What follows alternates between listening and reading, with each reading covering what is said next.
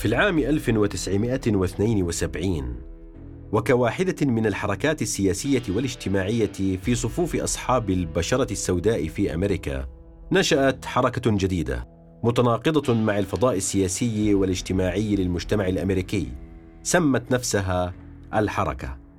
وكان اختيار الاسم للدلالة على السمة الأكثر وضوحا في الحياة وهي الحركة. جون آفريكا هو مؤسس المجموعة وكاتب دستورها. والحريص على شرح المبادئ العامة للحركة لكل عضو فيها. الفكرة واضحة ومحددة.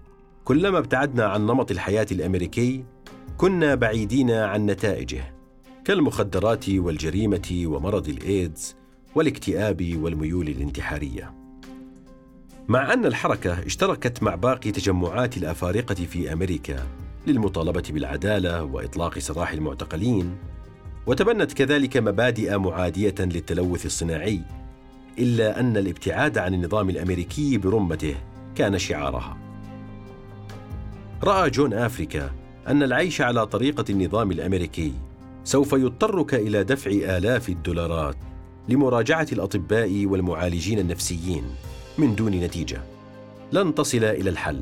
إلا عندما تخرج من النظام نظام العمل الأمريكي، نظام الغذاء والمنتجات الأمريكية، نظام الصحة والتعليم، ونظام الأعمال الكبرى التي لا تهدف إلا إلى جمع المال.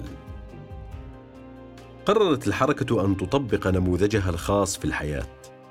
في البناية 6221 في فيلادلفيا. هناك حيث تكون الحياة داخل أسوار البناية لا تشبهها في الخارج وتطبق البناية دستورا مختلفا عن الدستور الأمريكي. لا يتضمن أي معايير للتفوق التعاون لا المنافسة هو أساس الحركة. ومهما كانت أسماء الأعضاء في سجلات الأحوال المدنية الأمريكية فقد أجمعت العائلات في البناية على اسم عائلة موحد للجميع آفريكا.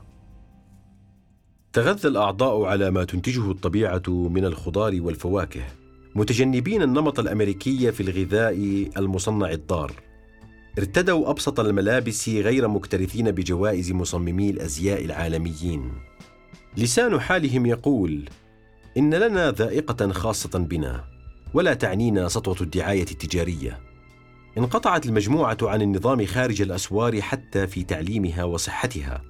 عالجت نفسها بنفسها كانت النساء يلدن من دون الإقامة في المستشفيات لم يذهب الأطفال إلى المدارس خارج الأسوار تعلمت المجموعة طرق التربية والغذاء الخاصة بها.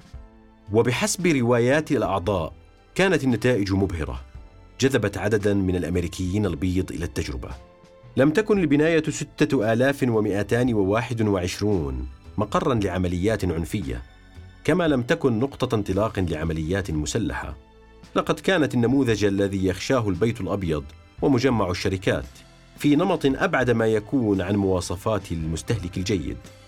إن القلق الأمريكي كان يكمن في انتشار حالة من العدوى من مهاجرين مسالمين من النظام من خارج أسوار البناية إلى داخلها. وربما من تأسيس بنايات جديدة. مهاجرين لا يرغبون في خوض معركة دامية ولكنهم أيضا لا يرغبون في البقاء بشروط اللعبة القائمة. في الثالث عشر من أيار 1985 هاجمت الشرطة الأمريكية البناية واشتركت الطائرات المروحية في عملية تفجيرها لتقتل بذلك أحد عشر شخصا من بينهم خمسة أطفال وجون آفريكا. طال الحريق 65 منزلا في محيط الحي الإفريقي وبحسب تقرير الشرطة الأمريكية أطلقت عشرة آلاف رصاصة خلال تسعين دقيقة. تروي رامونا أفريكا التي أصيبت بحروق من الدرجة الثانية في تلك الحادثة ورفضت العلاج في مستشفيات النظام. أن الشخص الوحيد الذي سجن بعد نهاية العملية كان هي ولمدة سبع سنوات.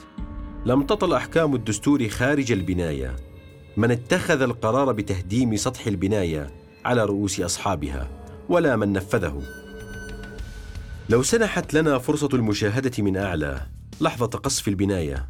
لكنا شاهدنا مساحة واسعة من الولايات المتحدة تطوق بقعة مشاكسة.